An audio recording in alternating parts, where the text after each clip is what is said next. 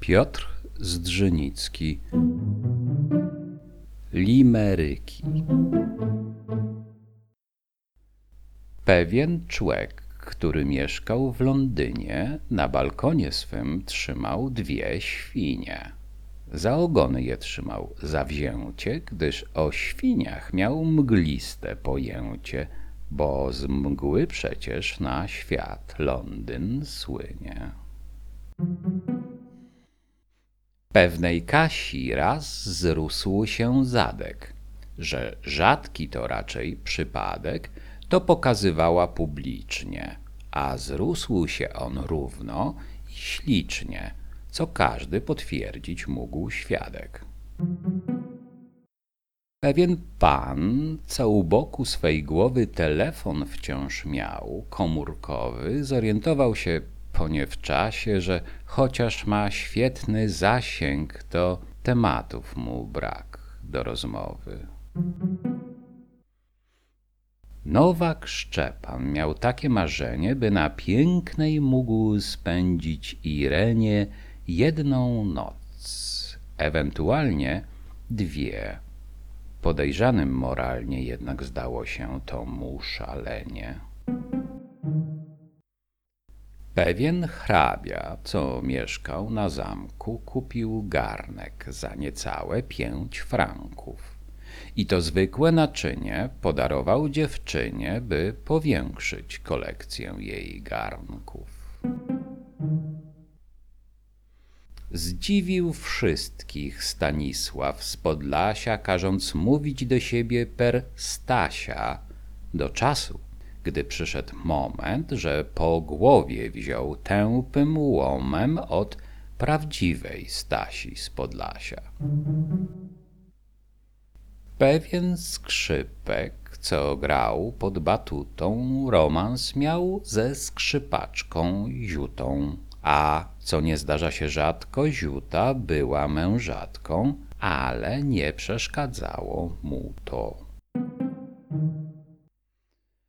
Choć Eryk Kwiatkowski z Sieradza był pewien, że żona go zdradza, to może pod wpływem wiosny w ogóle nie bywał zazdrosny i w zdradach tych jej nie przeszkadzał.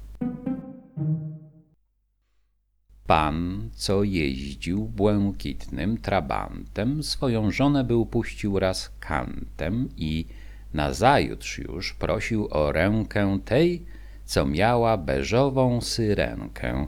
Dla niej pragnął być bowiem amantem. Raz jedna z podkielc lampucera poznała w barze kawalera, a on zaś, wbrew wszelkiej logice, pokochał ją niczym dziewicę, bo miłość nigdy nie wybiera.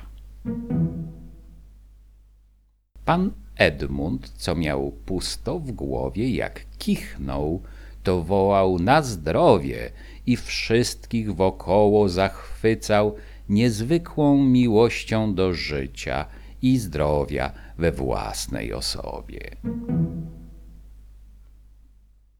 Pewien wójt z jednej wsi pod Krakowem ze swej żony uczynił raz wdowę.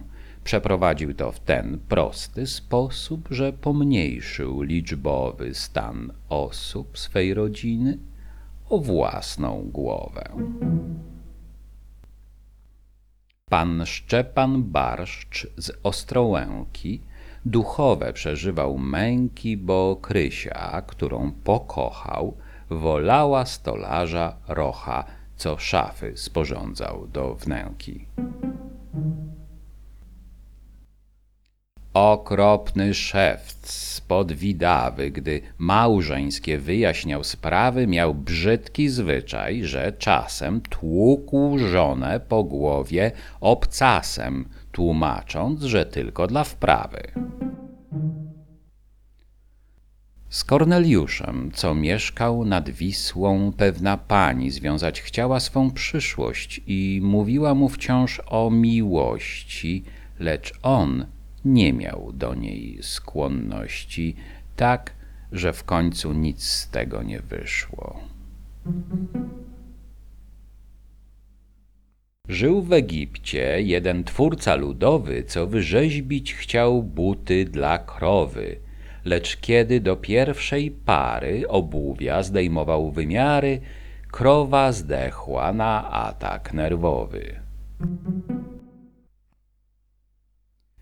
Pewien Chińczyk uprawiał rabatę, pielęgnując liściastą herbatę i w ogóle nie bywał ciekawy zapachu i smaku kawy, bo rzeczy, jak twierdził, już znate. Żył w Emiratach Sir John, co osiemnaście miał żon i kiedy pytano się go, czy na podryw by gdzieś nie wyskoczył, to zwykł odwarkiwać on won.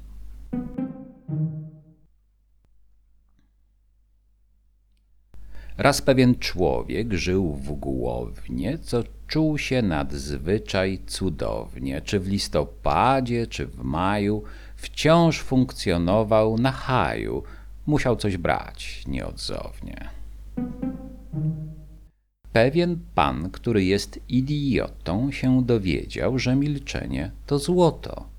Nie przyznano mu racji, kiedy w restauracji chciał milczeniem opłacić risotto. Edmund, żyjący w konkubinacie z Grażyną, co ma brudne gacie, zwrócił się kiedyś do konkubiny. Prania się proszą gacie Grażyny, bo blednę w ich majestacie.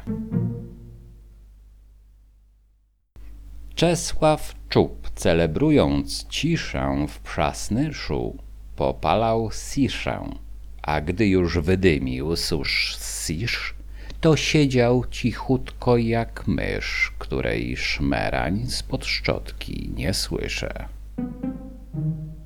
Z Głogowa niezdarny majster oberwał przy wannie wichajster. By zaradzić wylewom, kupił klej gdzieś na lewo i wichajster dokleił na klajster.